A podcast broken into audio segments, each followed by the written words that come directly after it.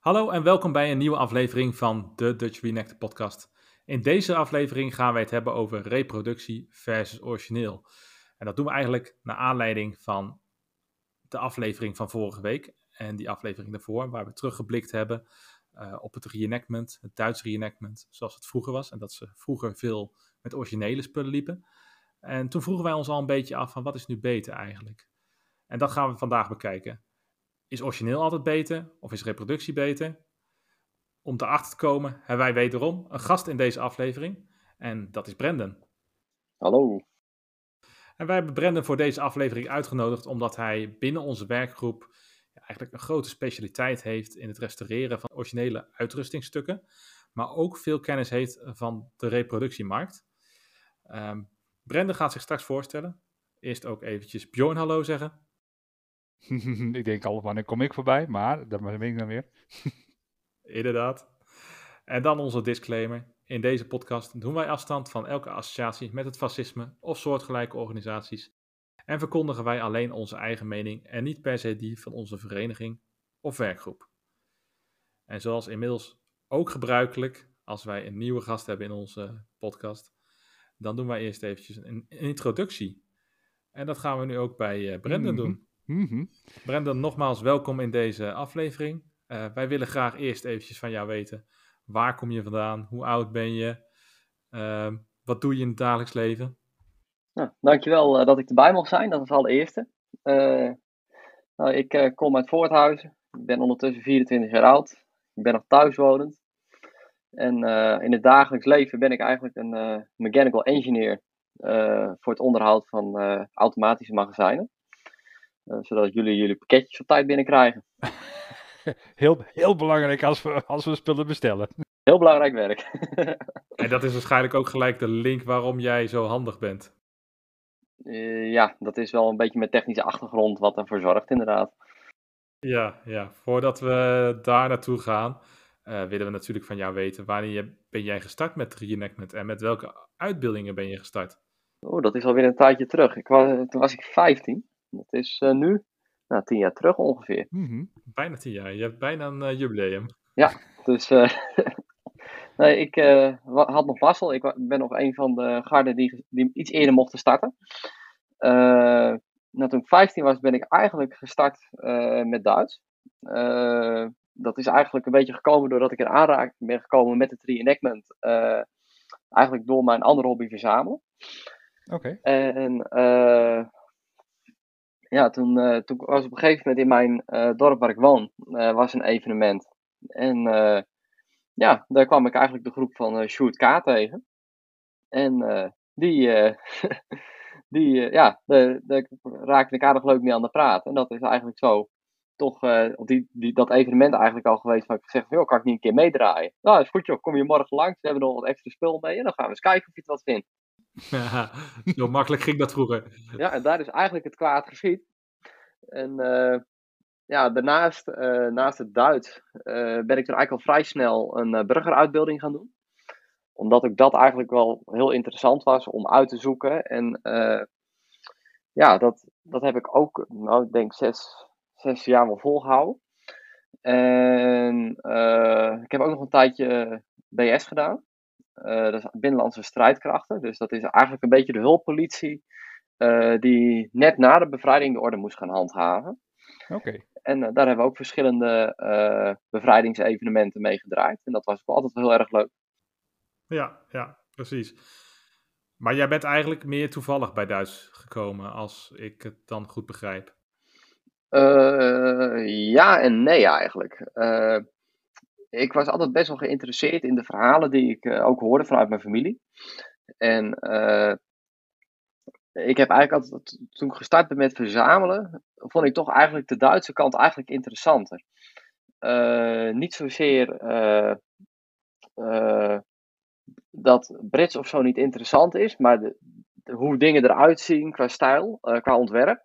Ja, dat, dat trok toch wel aan. En dan kreeg je, ja, je, je, je hoorde verhalen en dan wou je toch net iets meer van de foute kant weten. Want ja, je hoorde altijd eigenlijk wel van de bevrijders, die waren zo goed en die hadden. Uh, dat was eigenlijk binnen alle verhalen die je hoort, is de bevrijding is echt de. Uh, dat, dat is echt het, de belevenis van de oorlog, zeg maar. Maar ja, er is toch iets wat er aan vooraf gaat. En juist dat interesseerde, interesseerde mij eigenlijk. ja, dan, wil je, dan ga je dingen verzamelen die uit het dagelijks leven kwamen van toen. En dan, ja, dan wil je toch eigenlijk die verhalen erachter weten. Ja, dan merk je toch van ja, er is wel wat gedocumenteerd. En helemaal in die tijd was de documentatie al een stuk minder als wat we tegenwoordig uh, hebben. Uh, en ja, dan denk je toch van ja, ik wil er toch eens wat meer over weten. En ja, dan, dan kom je op zo'n evenement en je ziet dat Britse met Amerikaans. Het is natuurlijk hartstikke leuk. Maar het is, ja, dat, dat trok dan toch niet zo. Omdat je dan toch wat meer van de jongens wel weten die eigenlijk in het hoekje stonden. Want waarom staat die nou in het hoekje getrapt, zeg maar?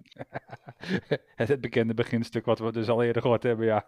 Ja, dat, dat is wel, ja, het, het werd in een hoekje getrapt. En juist dat maakte het eigenlijk interessanter, omdat je er meer van wou weten. Want je wist het eigenlijk niet. Want als je kijkt naar de verhalen die je hoort of dat je op school krijgt, het is alleen maar, uh, nou ja, het is een klein stukje oorlog, maar vooral de bevrijding. En ik ben er juist van overtuigd uh, dat we ook moeten stimuleren dat iedereen juist dat stukje daarvoor meekrijgt. Want dat maakt, eigenlijk, dat maakt het eigenlijk uh, de, de bevrijding ook begrijpelijk. En dat, dat laat ook zien hoe we daar zijn gekomen. En ik denk dat er heel veel te halen, te winnen en te leren is uh, voor mensen. Ja, ja. Eigenlijk hadden we jou ook voor een aflevering uit moeten nodigen. Als ik dit zo hoor. ja. Nee, even, even zonder gekheid. Uh, ik vind het goed dat je dit ook nog uh, eventjes uh, aankaart. Duidelijk maakt hoe jij daar tegenaan kijkt. ik denk, het kan niet vaak genoeg gezegd worden. Dus bedankt daarvoor. maar dan gaan we toch door naar de, de, het hoofdonderwerp van deze aflevering. En de, de, de hoofdvraag die we eigenlijk beantwoord willen hebben, hè, is wat is nou beter? Origineel of reproductie? En uh, dat is een vraag die wij nu beantwoord willen hebben in deze aflevering. En dat gaan we doen aan de hand van uh, een aantal items die we geselecteerd hebben. Ja. En wij hebben uh, sowieso drie items geselecteerd die we even langs gaan. En daarna gaan we het nog eventjes hebben over ehm, uh, hoe zeg ik dit zonder alles al weg te geven? andere reproductiespullen. andere zaken, andere zaken. Ja, ja, ja inderdaad. Ik ga, ik ga nog niet te veel weggeven, maar we gaan het als eerste dus even hebben over de staalhelm. Over de kochsjeer, uh, het mm -hmm. eetblik en veldscheppen. En dan komen we nog eventjes op wat andere zaken, inderdaad. Ja. um, de staalhelm. Dat is eigenlijk degene die ik heb uitgekozen omdat jij, Brandon, bent onze grote expert op het gebied van staalhelmen. Als er iets is met staalhelmen, dan gaan we naar jou toe. Ja, ja dat klopt inderdaad. Op heel veel vlakken volgens mij ook. Want, want, want eh, zelfs als je een vraag hebt over een nummertje in de staalhelm. Ja, ja dat klopt inderdaad. Uh, ik ben eigenlijk ooit begonnen met het restaureren van de originele staalhelmen. Uh, dat kwam eigenlijk op een punt dat ik uh, zelf met reenactment startte. Dat is al heel vroeg geweest. En dat ik eigenlijk de helmen zag. En die waren helemaal glad en ze glommen. En je zag ze eigenlijk al op 10 kilometer afstand zag je ze nog uh, in het veld liggen, zeg maar. En ik dacht met mijn verzamelaarsachtergrond van... Maar ik heb eigenlijk nooit echt helmen gezien die dit hebben. Wel een paar, maar dat waren meestal paradehelmen. Of heel vroeg oorlogse helmen. Dus waarom loopt iedereen in reenactment Nederland rond met een gladde helm? Ja, en toen ben ik eigenlijk gaan induiken van... joh, kan ik daar een reproductie voor vinden? Want ik was toen ook nog jong, nog jong en ik had eigenlijk het geld ook allemaal niet. En uh, ja, ja, toen kwam ik toch eigenlijk wel tot de conclusie van, uh, op dat moment waren er in ieder geval nog geen replica's uh, beschikbaar die nee. aan mijn kwaliteitseisen voldeden. Ja, maar volgens mij zijn die er nog steeds niet echt, toch? Want dan geven we wel gelijk maar het antwoord weg. zijn er goede reproductiestaalhelmen beschikbaar? Nou ja, er zijn wel reproductiestaalhelmen beschikbaar. Maar dat is, dan is eigenlijk meer de vraag: wat versta je onder reproductie? Want uh, we hebben bijvoorbeeld in uh, Europa kunnen wij nog best wel aan de Finse M40, M55 helm komen. Dat is eigenlijk een één op één kopie van de M40, waar, waar alleen een gat in de zijkant zit om de kinriem aan te maken, als je een late productie hebt. En de luchtgaten zijn wat anders. Maar die zijn relatief eenvoudig om te bouwen naar M35 helmen. En dan is het een replica voor de M35. Ik ga jou na deze aflevering vragen om een foto daarvan. Want die laat ik dan ook hier in beeld zien. Zodat mensen ook weten waar je het precies over hebt. Maar ik denk wat, wat jouw vraag meer was, uh, Rafael, is meer zo van, uh, want we, we, weten allemaal, bij al die handelaren hebben we allemaal van, hey, net als echt een één op één uh, kopie. En dat zijn al die reproducties die dus echt uit Pakistan, India, meestal China komen. En, en dat zijn meestal de reproducties die je, die je inderdaad voorbij ziet komen. En ik denk dat we daar wel heel erg duidelijk over kunnen zijn van, het is een goede, een goede kloop, zeg maar. Ja, maar ik, ik denk dat ik wel uh, de, de wedervraag van Brennan ook wel begrijp. Van inderdaad, mm -hmm. wat verstaan nou onder reproductie?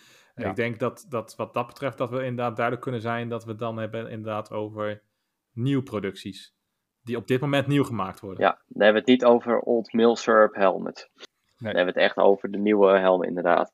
-hmm. En ja, de, daar zijn momenteel twee handelaren die komen in de buurt. Maar er is no nog niet echt een reproductie op de markt die kan voldoen aan de standaard die wij aan de helmen uh, stellen, inderdaad. Precies, en dat was het antwoord wat ik wilde horen. Ja. maar maar uh, uh, waar zie je dat dan aan? Waar, waar, waar, moet je op letten als je, als je een foto ziet van iemand die reenactment doet? Waar moet je op letten om te kijken, om te zien of het een, een recente reproductie is of een origineel? Nou ja, als je het uh, over de, de, buitenkant hebt, dan zit het al heel vaak in de hoeken. Dus als je bij de visor, bij de visor van de helm naar buiten steekt, die hoek klopt heel vaak gewoon niet. Mm -hmm, en ja. als je dan verder naar achteren gaat, heb je de, de nekbeschermingsrand, zeg maar. Mm -hmm. En die hoek is ook vaak gewoon totaal verkeerd. Uh, wat je ook ziet is dat de luchtgaten vaak uh, echt heel groot zijn. Er zijn een paar originele helmen van bekend, maar dat is zo weinig dat je eigenlijk wel kan stellen dat eigenlijk alle foto's die je daarvan ziet, dat het een replica helm is. En wat je ook heel vaak ziet bij reproducties, bij, specifiek voor een M42 variant, is dat die rand die naar buiten staat, die is vaak heel dun, heel smal op sommige punten. Dus dan zie je okay. een niet gelijke rand lopen. Mm -hmm. En als je het specifiek over een M40 of M35 replica hebt, dan zie je dat die, diezelfde rand die bij de M42 naar buiten staat, die zie je bij de M40 naar binnen zitten. En die zijn in de oorlogse productie relatief uh, glad afgewerkt. En dat is uh, bij die replica's eigenlijk nooit het geval. En dan ook daar weer zijn de hoeken niet goed en de luchtgaten. Ja, ja ik, ik ga denk ik in deze podcastaflevering een foto laten zien van een M42 helm. Ja, ja. En daar eventjes kort aangeven met cirkeltjes wat dan niet uh, klopt, wat jij net beschreven hebt. Ik ga dat niet doen met de M40 en de M35, want dan wordt het uh, net iets te veel. Een grote uh, slideshow. maar die M42 doe ik het wel eventjes in, dus daar kunnen mensen ook uh, hier zien. Nou ja, ik, ik, ik, ik zie het verschil bij... Ik, ik heb ooit een, een, een M42 helm gehad, een, een, hele grote. En als ik het verschil zie tussen een originele die ik nu heb en die M42 die ik toen had, het, het, het, je zag het gelijk. Vooral ja. ook de kraag. En eigenlijk als je ze gewoon naast elkaar houdt en twee mensen naast elkaar met dezelfde type helm, dan zie je het eigenlijk bijna gelijk. Ja, ja. Als je weet waar je op moet letten, dan, dan valt het echt op. Ja, mm. ja je, er zijn ook verschillende producties in. En ik heb ook een aantal producties in handen gehad. Waarvan ook ik wil even zeggen: van, oh, je moet echt wel twee keer kijken, wil je het zien hoor. Ja. Mm. Maar ja. ik denk dat we dat wel kunnen zeggen, dat dat uh, bijvoorbeeld at the front is, hè? Ja, die hebben inderdaad een uh, variant die relatief dichtbij komt. Ja, ja, dat je echt goed moet kijken, wil je het eruit halen. Ja. Nou, wij, waar je het heel vaak ook eigenlijk al direct aan ziet, is de nummering in de nek. Ja, maar goed, dan moet je toch uh, dan moet je het echt wat beter uh, kijken ja. en uh, weten waar je, waar je naar zoekt. Mm. Nou, wat, wat, wat ik wel meegemaakt heb, is ook inderdaad in een... kijk, nou, nou wordt hij heel technisch voor, voor de, de casual luisteraar die, die nu luistert. Maar je, kunt, je hebt bepaalde hoofdmaten die je in een bepaalde maat helm kunt steken. Mm -hmm. En ik heb het een keer gepresteerd om een uh, 60er liner gewoon zonder problemen in een uh, uh, 66er schaal te krijgen. Ja, maar dat is ook wel de grap, want al de uh, reproductiehelmen, dat zijn allemaal de grote maathelmen. Hè? Dat is niet de 64 of zo. Nee. Wat trouwens de meeste mensen nodig hebben.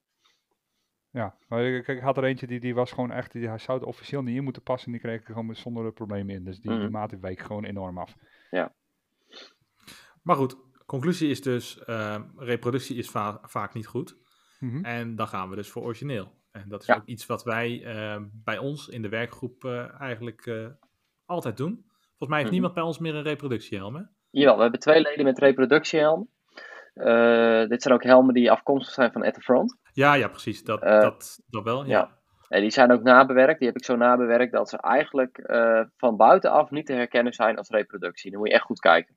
Nee, oké. dus, dus wat we wel kunnen zeggen, alle helmen die er bij ons zijn, bijna allemaal, die neem jij onder handen. En jij restaureert ook helmen. Originele helmen, die maak jij reenactment geschikt als het ware. Jij restaureert Ja, ze.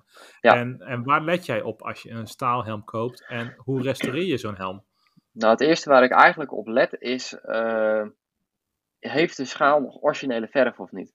Want op het moment dat dit het geval is, dan zeg ik eigenlijk sowieso van: joh, deze helm moet je gewoon niet eh, gaan restaureren. Dit is echt een verzamelaarsobject. Ehm, een ander ding waar ik echt op let is: eh, zijn, eh, hebben we pitting in de helm zitten? Kijk, een klein beetje pitting is niet zo erg. Dat kan je nog wel eh, wegwerken. Dat, dat zijn gewoon puntjes hè, die, ja, ja, dat die zijn- erin zitten. Dat ontstaat doordat dat je roest eigenlijk op de helm krijgt. Dat vreet in het metaal. En dan kan je wat, wat pitjes in krijgen. En op zich is dat niet zo erg als je het een klein beetje hebt. Want dat is nog wel weg te werken met de textuur. Maar als je een helm koopt, let er dan vooral op dat er geen plemuur op zit. Koop het liefst een ongerestaureerde helm. Eh, en koop ook geen helmen waar gaten in zitten. Want een klein gat lijkt makkelijk dicht te lassen te zijn. Maar vaak is het metaal al zo aangetast dat je eigenlijk een halve helm opnieuw aan het opbouwen bent voordat je Hmm. echt een goede constructieve helm hebt. Ehm, een tijdje terug hadden we een van onze nieuwe leden, die had een eh, helm online gekocht eh, op eBay. En die zag er eigenlijk heel mooi uit. Ik, ik, ik, ik had hem in handen en ik dacht, nou ja, het ziet er wel goed uit. Ik vond hem wel verrekte glad en eh, je zag in de, in de, de kraag zeg maar nog wel puntjes zitten van de pitting. Ik denk, nou ja, dat is eigenlijk wel gek, want het is dus waarschijnlijk een bodem of een watervondst met een klein beetje pitting. Maar goed, het zou kunnen. Eh, en na het schoonmaken eh, kwam ik erachter dat de helm ongeveer 200 gram aan staal verloren was. Eh, en Verloren? Dat is, ja, echt verloren door roest. Eh, Oké, en jij, Wat- dat, wat bizar. Jij weegt ze dus ook gewoon. ja, ja, natuurlijk, ik weeg ze. Want ik wil, ik wil zeker weten dat die helm eh, klopt als jij hem op hebt. Want kijk, je kan een helm opzetten. Maar dan wil ik wel dat je een helm opzet die het juiste gewicht heeft. Want dat is toch een stukje beleving. De jongens die hadden zo'n helm op met dat gewicht. Mhm. Als je dan toch bezig gaat, doe het dan goed. En zet dan een helm van hetzelfde gewicht op.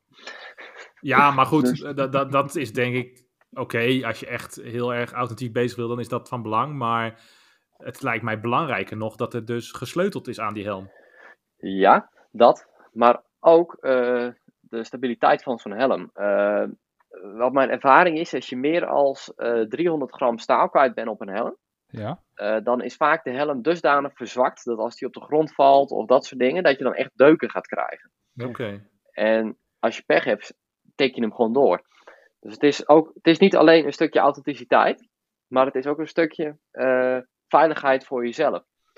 Want kijk, jij loopt met zo'n helm op en jij denkt, oh, ik ben beschermd, want ik heb dus een bonk staal op mijn hoofd. En vervolgens eh, stoot je een keer ergens tegenaan en eh, heb je een hele deuk in die helm zitten. Ja, Of erger. ja, ja. Dus daar let je op. En hoe Mhm. ga je dan verder te werk? Ja, dat is afhankelijk van het model helm. Eh, laten we de M42 als standaard nemen. Eh, de M42 werd eh, vanuit de fabriek standaard met alleen kleur gespoten. De voorgaande helmen die hadden een epoxy eronder, of een, een primer eronder zitten. Mhm. Trouwens, de M40 heeft dat ook al vanaf 1940 niet meer. Maar je, de, de M42 die heeft eigenlijk nooit een primer gehad. Dus je start al eigenlijk al met de, de juiste kleur. Eh, en hoe ik zelf altijd mijn restauratie start, is de helm e- even één keer helemaal goed in de verf zetten. Dat je binnenkant gespoten is en de buitenkant. Eh, dan laat ik hem drogen. Eh, en als die eenmaal gedroogd is, dan spuit ik de buitenkant met een textuurverf. Met aluminiumoxide erin. Ja, Zodat je echt de textuur op de helm krijgt, zeg maar. En dat doe ik pas nadat het binnenwerk in de, in de helm zit. En meestal spuit ik wel even de splitpennen van tevoren al, voordat ik hem in de helm zet. Eh, Mhm. Omdat je dan een wat mooiere, egalere kleur krijgt. Mhm. Maar ja, zo ga ik eigenlijk eh, te werk met de start van de restauratie. ja. Eh, heel interessant om te horen. Ehm, ik heb nog een laatste vraag over staan, maar dan moeten we echt door naar de volgende, want de tijd gaat weer heel hard. Uh, maar dat is over de kleur van de helmen. Daar, daar heb jij uitvoerig onderzoek naar gedaan. Hè? En dat is ook iets wat vaak in de reenactment wereld misgaat. Dat klopt inderdaad. Uh, wat je vaak ziet uh, in de reenactment wereld is dat we gewoon een spuitbusje kopen van de een of andere dealer. En die beweert, we hebben een museumkwaliteit verf. Nou ja, als ik dat hoor, dan gaan vaak al mijn nekhaar overeind staan, want die kleur klopt vaak van geen kant. ik heb een aantal originele exempels gekocht van de kleur die op de staalhelm zit. Mhm. En ik ben gewoon met de lokale, de toen de tijd nog mijn lokale verfmenger, uh, ben ik bezig gegaan. En we hebben gewoon met de hand net zo lang gemengd totdat we bij die kleur zaten die we wouden hebben. Ja, en dat recept dat gebruik ik nu nog. Ja, ja, dus dat heb jij gewoon op basis van meerdere originele helmen gedaan. Ja, originele helm inderdaad, daar is dat op uh, gebaseerd. Ik moet, ik moet zo hard lachen, want ik weet nou hier staat nog een, ik heb nog een oude M40 reproductiehelm hier staan. Die heb ik dus zelf e-, ettelijke keren overgespoten met, met zo'n spuitbusje met zand erbij. Zoals de meeste reenactors niet verleden mm. deden. Nou ja, dan heb je in ieder geval al wat zand erbij gedaan. En dat is iets wat je sowieso al vaak uh, niet ziet bij reenactors. Dat de helmen in textuur staan. Dus dat zijn al in ieder geval punten, zeg maar. ja, Oké. Goed. Voor, voor, dat voor wat betreft de staalhelm. En dan gaan we nu door naar het volgende item. Staalhelm, dus het beste origineel. En dan gerestaureerd op redden. Natuurlijk. uh, het volgende item, uh, de eetketel. Uh, moet die origineel of is die reproductie verkrijgbaar? ja, dat is eigenlijk wel een hele interessante. Tot voor kort zou ik gezegd hebben origineel. maar onze grote vrienden uit Amerika, je raadt het al, die hebben een reproductie gemaakt. Weer at the front? Weer at the front, inderdaad. Oké, dus, we blijven reclame maken voor at the front. Ze gaan een hoop uh, gratis reclame krijgen, deze aflevering. moeten, ze, moeten, ze, bellen? Hé, hey, waar is het geld? maar nee, deze, deze winkel die heeft een, uh, heeft een gemaakt die ik nog niet echt in handen heb gehad. Dat moet ik er wel bij zeggen. Mhm. Maar op de foto's zien ze er relatief goed uit. Ja, oké. Ik, ik weet, ik heb hem gezien, ik heb hem gezien. Eh, in de zin van ook, ook, ook alleen online hoor, op dit moment. En, en met mensen die me ook daadwerkelijk binnen hadden. En ik heb wel gezien dat er een heel klein verschiltje in zit. Dat net een paar millimeter overal wat kleiner is. Het is, net, het is bijna niet zichtbaar, maar het scheelt wel een heel klein beetje. Maar als ik zie hoe, uh, ook weer, ik kom weer terug op allemaal winkels. Die zeggen van, hé, hey, gelijk aan. En dat ze dan allemaal boendes weer verkopen. Ja, ja. Dan, dus daar zit inderdaad een groot verschil in. Uh, Heel groot verschil. Ik zelf uh, gebruik een uh, WAL-keteltje. Dat is mm. een van de aluminiumproducenten in Duitsland. van net na de oorlog. en die zijn gelijk aan de oorlogse productie nog. Dus je hoeft niet per se een originele oorlogse te hebben. vaak zijn die net na oorlogse, die zijn nieuw uit bestand. Dus dan heb je gewoon een nieuwe ketel, gelijk aan de oorlogsmodel. Ja.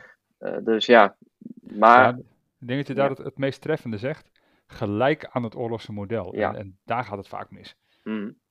Ja, want iets wat heel kenmerkend is voor de oorlogse ketels, vooral de ketels die wij meestal adviseren, mhm. eh, dat zijn die ovale uh, hangstukjes aan de zijkant van de ketel.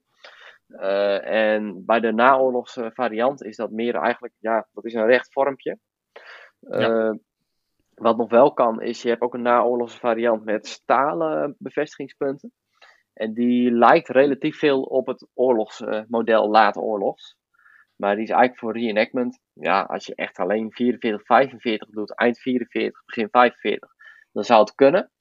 Uh, maar als je zoals wij in mid 43 zitten, dan uh, is dat eigenlijk iets wat je beter links kan laten liggen. Ja, ja.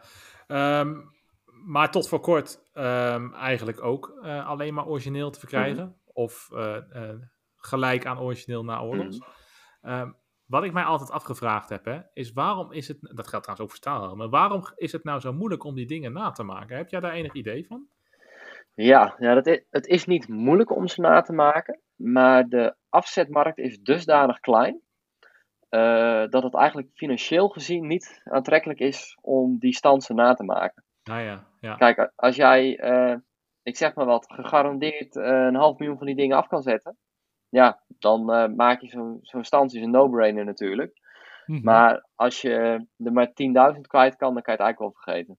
Ja, dan zijn je, dan zijn je productiekosten duurder als je, eh, ja, je, je, je winst, zeg maar.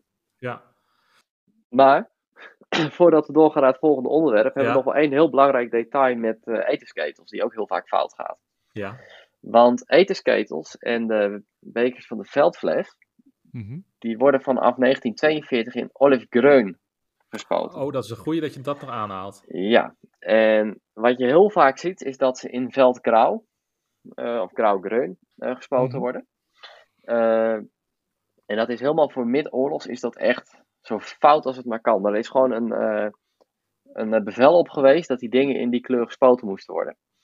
En zoals veel reenactors ook wel zullen weten, is dat ze de uitrustingstukken dusdanig snel slijten, eh, dat je er ook echt niet onderuit komt om die ketel een keer in die kleur te spuiten. Ja. Ja, ik moet mijn ketel nog bij jou langsbrengen. ik heb net een nieuwe, nieuwe originele gekocht en die, die is bijna helemaal gestript van de verf. Dus die moet ook nog maar een keer bij jou langs. Ja, ja. Maar ook dat is weer een kleur die dus weer niet te krijgen is in het moderne RAL-schema. Mhm. En als je die moet gaan mengen, dan ben je echt eh, zuur.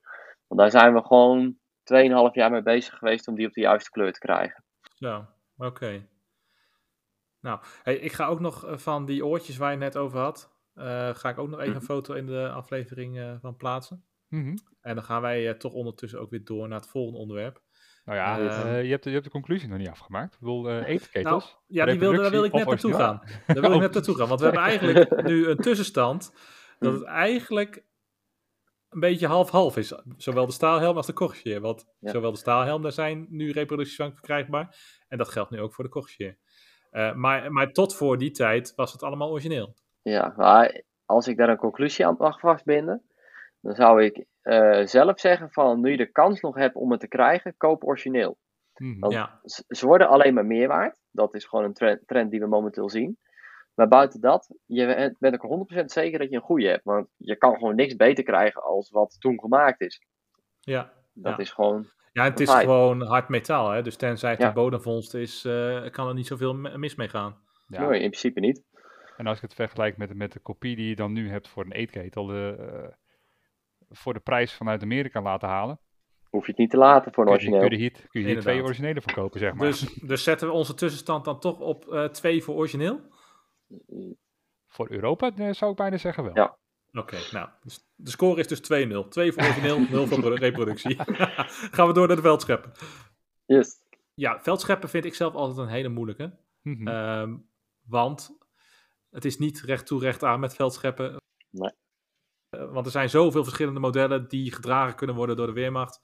En die kan weer wel en die kan weer niet. Ik, ik zag door de boom op een gegeven moment het bos niet meer. Jullie hebben bij ons in de werkgroep heel veel onderzoek daarna gedaan. En ik heb het naast me neergelegd. En ik dacht, doen jullie het maar. Ja. nou, ik kan er eigenlijk heel kort over zijn. Eh, veldscheppen op zich, je kan heel veel veldscheppen gebruiken. Eh, maar ik ben dan toch weer iemand van, ik ga toch naar het tekstboek kijken. Wat is het meest aannemelijke wat toen gebruikt is? Eh, en na onderzoek is toch wel gebleken dat het, de veldschep met puntlassen, dus eh, alles waar klinknagels, dat soort dingen aan zitten, dat kan je eigenlijk allemaal links laten liggen. Want de veldscheppen met de puntlas, dat is eigenlijk de veldschep die toen gebruikt werd. En eh, ja, daar zit je gewoon echt gebonden aan originele of weer net na oorlogse. Mhm. Je hebt, in Nederland is er een producent geweest. eh, die heeft nog een tijdje net na de oorlog eh, veldschepjes gemaakt naar hetzelfde model. Eh, ja, en die kan je dan gebruiken of een originele. Eh, ik weet, er is een, een ander eh, YouTube-kanaal die heeft recent een, ook een, de veldschep behandeld. Ja, ja Ik weet die, dus ja, ja. en heb ik die, gezien. Ja. ja, en die hebben op zich best wel een interessante conclusie. En dat is de Tristam TRS-schep. Eh, die vinden hun toch wel redelijk in de buurt komen van het origineel. Alleen, ik heb hem zelf in handen gehad. En ik zie toch wel best wel een hoop dingen die niet kloppen. En qua stevigheid vind ik hem eigenlijk ook niet echt eh, bruikbaar. Ja, Ja, ja, de hebt hem in stevigheid handen punt, ja. hem in de handen gehad. Wacht, wacht, wacht. Dat is de belangrijkste vraag die ik heb. Mhm. Heb je er ook een stukje mee in, de, in de grond gezeten? Nee, want ik was bang dat ik de eigenaar de schep moest gaan vergoeden. Want ik heb er ook al een keer eens zien afbreken. Ja, nou, eh, we hebben een andere kopie ook bij iemand gehad. En die, die sloeg ermee tegen een stuk hout aan. En toen was hij krom. Ja, en die kwam wel bij Etherfront vandaan. Dus Etherfront heeft ook helaas toch een slechte repro. Ja. Maar eh, toch weer een conclusie van voor scheppen origineel? Nou ja, ja, want eh, wat je bij eigenlijk alle replica's fout ziet gaan. Eh, of de steel klopt niet, de lengte klopt niet, kogel klopt niet die erop zit. eh, de nagels waarmee de schep aan de steel vastzit, die kloppen gewoon eigenlijk nooit. Eh stempeling klopt van geen kans, vaak veel te groot, veel Er te klopt diep. eigenlijk gewoon niks van. Het enige wat wel klopt is dat ze gepuntlast zijn. Dus qua, ja, qua eerste gezicht lijkt het heel wat. Totdat je hem echt gaat eh, gebruiken en echt dieper erin gaat. En dan klopt er eigenlijk niks van. Eh, nee. dus je zit gewoon gebonden aan origineel inderdaad. Ja, maar dat, dat, daar wil ik wel nog de opmerking bij plaatsen bij originele veldscheppen. Ehm, wat ik net ook al aan het begin zei van het onderwerp veldscheppen. Het is niet recht toe recht aan met die veldscheppen. Als je een originele veldschep gaat kopen, dan kun je ook nog verdwalen in een oerwoud Ja. van eh, Ja. goede en verkeerde modellen. Ja, pas echt heel erg op, want eh, wat je heel vaak ziet is dat Zwitserse veldscheppen als Duits eh, aangemerkt worden. Ja. En ook heel veel particuliere verkoop. Dat zijn die veldscheppen waar zo'n klinknagel in zit die helemaal platgeslagen is. En ik weet dat er foto's zijn dat je ze wel eens ziet bij de Weermacht, maar dat is dusdanig weinig. En dan gaan we ook weer op, op een ego-document. eh, dat ik eigenlijk zou zeggen van, koop je een sche- veldschep, laat hem eerst altijd even checken. Ja, Ja. bij ons in de werkgroep. Ja. Ja. Word lid van die volksreden hier. nee, maar het is, het is gewoon echt zo. Het is echt een oerwoud. Ja. Echt waar. Je had het net over inderdaad over ook eh, de, de kwaliteit van, van Repro. Ik heb, ik heb dan een originele klapschep op dit moment. Die schijnen Mhm. blijkbaar wat makkelijker te krijgen zijn. Omdat, Ja. wat was het, de Noren? Dat die het nog een tijdje doorgebruikt Eh, hebben? nou, zelfs de Nederlanders hebben ze nog een hele tijd gebruikt. Ja, maar hebben die, die- die kun je dan helemaal groen krijgen. Ja, ze dan. klopt. In Nederland doet dat ook. Nederland, of Nederland deed dat ook. Eh, Je kan in de gemiddelde Nederlandse dump, dan kan je nog voor 15 euro zo'n klapschep kopen. Ja, nou, ik heb hem dan voor wat meer geld, want die, die was voor mij al gestript. Maar maakt Ja. verder niet uit. Maar je moet wel oppassen, want die scheppen die zijn ook nog na de oorlog geproduceerd. Mhm. En die worden ook vaak als origineel verkocht. Ja, ja dat, dat, dat, Dat- dat is weer een heel klein dingetje waar je het aan kunt zien. Maar ik heb daar Ja. ook een repro van tevoren voor gehad. Mhm. En eh daar was echt van, daar sloeg ik een keer mee op een steen. Nou, de, de schep die bleef heel, ik bedoel, Makkelijk was heel stevig. Het schroefmechanisme zat een dikke deuk in, dus ik kon, je kon Ja. er niks meer mee. Oei. dus nou ja, Hey, de tussenstand is nu 3 voor origineel en 0 voor reproductie. Ehm, ja, we hebben natuurlijk het script al van tevoren opgesteld, dus we weten welke kant we op gaan. Ehm, de andere zaken waar we het net aan het begin over hadden, we moeten toch reproductie ook even wat punten geven. En ja, dat is toch eigenlijk, ehm, als ik al een beetje vooruit mag lopen, is het een beetje het leerwerk hè? en de, de uniformen. Ja, ja, ja, inderdaad. Wat we veel al zien is dat leerwerk, eh, dat or- het originele leerwerk, ja, dat is gewoon al meer dan eh, 70 jaar vaak niet meer onderhouden. Mhm. Dus eh, de kwaliteit van het leer eh, neemt sowieso al door de jaren wat af. En als je dan ook nog een slecht onderhoud hebt, ja, dan wordt dat dusdanig slecht dat je het eigenlijk niet meer kan dragen. Maar ook de prijs-kwaliteitsverhouding wordt nu eigenlijk steeds minder. Want ja, je bent 80 jaar verder, dus het originele leer wordt heel duur, want het wordt wat zeldzamer. Eh, en het gaat ook veel sneller kapot. En ja, er zijn een aantal, eh, er zijn verschillende reproducties op de markt eh, voor leerwerk. Mhm. En ja, ik zou zelf heel erg de luisteraar adviseren om goed onderzoek te doen waar je het koopt. Want er is eigenlijk, in mijn mening is er maar één producent in Europa die goed leerwerk levert. Mhm. Noem maar maar. Ja, Vincent Equipment, eh, dat is eigenlijk de enige echte, Mhm. in mijn ogen, de enige echte leerproducent die het goed doet. Want eh, een heel simpel voorbeeld waar ik het eh, laatst nog met Rafael over was, dat is, had is de koppel. Je ziet bij de tong van de koppel, dat is dus het gedeelte waar je je, ja, je slot van je koppel overheen schuift. Dat hoort van een dunner materiaal te zijn als de rest van de koppel. En eigenlijk ieder producent die gebruikt bijna dezelfde dikte leer als eh, de koppel zelf. En bij Vincent zie je ook gewoon dat het gewoon, gewoon een juiste leer is. En het is ook allemaal met de hand gestikt. En dat zie je gewoon echt aan de kwaliteit van het leer. en dan leerwerk. Ik ben nu geneigd om even achterom te kijken, want ik heb nog zo'n oude reproductie. En Mhm. dan heb je inderdaad dat die wel wat dikker is, die, die tong die je erachter hebt zitten. Ja. Ja. En wat je daarmee krijgt, dat die koppel die is zo ge- eh, gemaakt dat je munitietasjes er goed over passen, dat die mooi strak om het lichaam heen zit. Mhm. En met de reproductie zie je dat die altijd een heel eind eh, van iemand afstaat. Oh, krijg je, oh jee, je krijgt een heel grote, grote dikke bobbel. Ja. krijg je dan. ja. Dat, ja, dat, dat, dat ga je gewoon zien. En daar zie je ook echt een kwaliteitsverschil in. Ja, Mhm. maar even eh, terugpakkend. Mhm. jij zegt, ja, leer en uniformen moeten eigenlijk wel reproductie, want Mhm. de kwaliteit van dat materiaal is al veel te oud. Ja. Zelfs als het goed onderhouden is, hè, dan, Mhm. dan zal- valt er nog best wel wat op aan te merken. Ehm, maar dan kom je dus bij reproductie. Dus reproductie heeft hier punten gescoord. Yay! Ehm, maar dan nog ehm, is, het, is het best wel lastig om goede reproductie te krijgen. Ja, ja, dat is echt een eh, mierennest. Ja, ja dus da dan, dan denk je van, oh nou, eh, dan gaan we voor reproductie en dan eh, mag je opnieuw met onderzoeken beginnen. In ieder geval welke webwinkel je moet hebben. Ja, nee, dat is zeker waar. Eh, ik weet dat toen ik net startte met reenactment, toen had ik een koppel gekocht eh, bij een bekende webwinkel. En die had ik, nou, ik vond hem eigenlijk wel een beetje rubberachtig aandoen.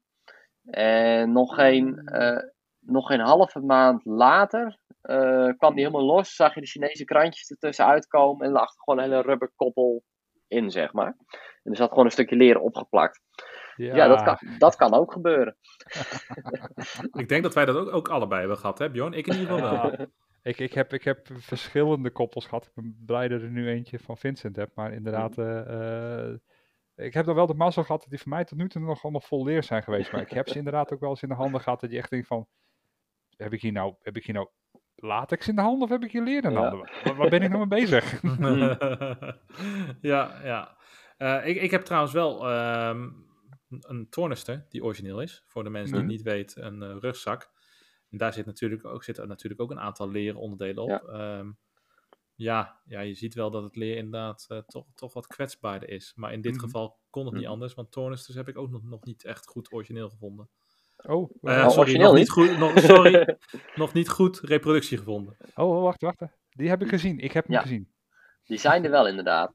Alleen als je kijkt naar de prijs- en kwaliteitsverhouding, dan is het momenteel nog steeds on- interessanter om drie tornisters te kopen als één reproductie. Ja, drie originele tegen- tegenover Ja. één reproductie. Want hoeveel kost die eh, reproductie? Eh 200 geloof ik. Ja, en de originele gaan rond de 50, toch? 50, 60 euro dus. Ja. Ja, ja. Sterker nog, ik zou bijna kunnen zeggen van, eh, dan, eh, dan kijken we onze grote, grote vriend eh, Vincent eens aan. En als je die spullen afvallen, en dan Hm. haal je gewoon de draad los en dan naai je hem vast. Want die, die dingen, daar zijn echt miljoenen nog van geproduceerd. Dus Ja. ze zijn nog helemaal niet zeldzaam. ja klopt inderdaad. eh, dat blijkt, ja. ja. Dan heb ik nog de meest zeldzame zonder haar zelfs. Oeh. Oeh. Nou, dan gaan we, dan gaan we zo'n beetje naar de eindconclusie. De tussenstand is eh, drie voor eh, origineel en inmiddels Mhm. twee voor eh, reproductie. Dat is dan eh, reproductie op het gebied van eh, leer en reproductie op het gebied van uniformen. Ja. Ehm, kun jij zo snel uit je hoofd nog even een paar voorwerpen noemen, zonder ze in detail te bespreken, die jij origineel zou doen en Ja. een aantal voorwerpen die jij reproductie zou doen? Ja, die kan ik wel noemen. Eh, bijvoorbeeld de gasmaskerbus. Dat is iets, er zijn er meer dan 21 miljoen van gestanst. En die zou ik toch echt wel origineel doen. Want als je Ja. kijkt naar de repro en de originele, dan zie je bij de repro vaak dat de, de instansing van de, de sleuven, die zijn niet, eh, niet echt diep genoeg. En de, de sloten kloppen vaak niet helemaal. Hoogte zit vaak wel iets verschil in. Eh, dus die zou ik even zeker origineel nemen. Oké, Eh, check. Eh, dan heb je ook nog de bajonet. Dat is ook nog een van de onderdelen waar ik echt van zeg: koop er gewoon een, een originele van. Niet matching setje. Ben je niet al te veel geld kwijt. Want eh, de meeste replica's hebben de drukknoppen niet goed. Handvaten zien er vaak niet uit. mhm. Dus ook daar heb je eigenlijk weer punten voor het origineel. Oké, ja. Eh, maar bijvoorbeeld boterdozen. Iets wat in je broodzak zit. Dat is wel weer iets waarvan ik zeg: Nou, die kan je redelijk goed replica krijgen. En als je dan kijkt naar de prijs-kwaliteitsverhouding. Dan zou ik toch echt gaan voor een replica. Oké, dat is interessant, dus- want dat is, da- dat is net weer zo'n onderwerp waar je niet zo snel aan denkt, hè? Inderdaad, een stukje pocket litter, hè? Het hoort Ja. er ook bij. Nou ja, ik moet wel toegeven dat het, dat is echt wel een ontwikkeling van de, eh, nou van de laatste twee jaar eigenlijk dat ik die tegen ben gekomen, die, eh, die boterdozen. Dat ze eindelijk eh, nu een betere variant hebben als dat je vroeger met zo'n rare F erin ge, gestanst. Ja. Ja. maar dat zijn ook weer van die eh naoorlogse boterdozen die je nu benoemt. Nee, nee, nee, die, die, die nieuwe, die nieuwe resin dingen die eh, voorbij komen. Ja, nee, maar die oude met die F erin. Ja, oh ja, ja, klopt, ja, ja, ja, ja. En ik wil er ook nog eentje aandragen. A-frames, waar we recent eh, bij, binnen onze Ja. werkgroep over in discussie zijn geweest. ik, wilde, ik vroeg toen aan jullie van, hé, hey, en wat kosten de originele nou? Mm. En toen zeiden jullie iets van 900 of zo? Ja, die starten op ongeveer 500. En als je echt een mooie hebt, dan ga je al gauw naar de 900 euro toe. Ja, inderdaad. ja, ja. Dus da- maar dat is eigenlijk ook weer zacht materiaal. Hè? Ik bedoel, Mm. eh, webbing en leer. En, en ja, dat, dat gaat gewoon snel kapot. Ja. Eh, dus reproductie. Maar we zijn nog aan het zoeken wat de beste is. Mhm. Ik denk dat we wel bijna uit zijn. Maar goed, dat is misschien voor een andere Ja. aflevering. Dus dat is Mhm. er eentje voor reproductie. Heb je er nog eentje voor reproductie? Ja, zeldbanen. Ah, ja, ja, ja. Want ja, ja, ja. ja, ik zelf ben er ook schuldig aan. Ik heb ze jaren gebruikt, originele. Maar eh, ja, ze beginnen toch wel iets zeldzamer te worden. En eh, de stof is ook dusdanig slecht aan het worden van sommige zeldbanen, dat gewoon de gaten erin komen. Eh, en eh, ja, er zijn nu gewoon goede replica's op de markt. Dus waarom geen replica kopen dan? Ja, ik, ik ga toch naar de eindconclusie. En ik vind het eigenlijk wel een grappige conclusie. Want ik had hem al opgeschreven in het script. Maar dit laatste deeltje was toch een beetje improviseren van ons. En toch kom je wel weer bij dezelfde conclusie uit. Dat je alle hardware beter origineel kunt kopen. Dus alles wat van Mhm. metaal is en alles wat echt hard is. Hè? Eh, Maar de zachte items, dus het stof en het leer, dat je dat het beste reproductie kunt kopen. Nou ja, daar kan ik er nog wel één aan toevoegen die een uitzondering die de regel doet eh, eh, bevestigen. Oké, ja. En dat zijn de koppelsloten. Ah, ja. Want, ja, eh, ja, ja. de koppelsloten, die zijn wel goed replica te krijgen tegenwoordig. Die, die toevallig wel, ja. dat klopt. Ja, ja, ja. Nou goed, eh, inderdaad wat jij zegt. De uitzondering die de regel bevestigt. en dan gaan we daar denk ik maar mee afsluiten. Ik ben wel benieuwd wat eh, andere mensen eh, nog misschien voor items kunnen aandragen. Mhm. En wat ik ook nog eh, dacht terwijl wij bezig waren met deze aflevering is... die staalhelmen, daar kunnen we volgens mij wel een hele aflevering over vullen. Dus misschien moeten we dat nog een keertje doen. Daar ga je echt de details opzoeken. Oké, Doe maar goed. Als mensen graag willen dat we het daar nog een keertje over hebben, eh, doe dan even een comment onder deze podcastaflevering. Ja, ik wil staalhelm. Oké, dan ga ik daar toch echt mee afsluiten. Eh Brendan, hartelijk bedankt dat jij eh, eh, in deze aflevering aanwezig wilde zijn. Ja, en dat jij wat uitleg hebt gegeven over wat jij zo al doet en de kennis die jij hebt. Ehm, hopelijk horen we je dan nog een keertje terug over staalhelmen. En dan dat is helemaal goed. ga ik hem dus afsluiten. Over twee weken is er helaas geen nieuwe aflevering. Wij gaan er een weekje tussenuit omdat we een evenement hebben genaamd Unternemen Noordwind.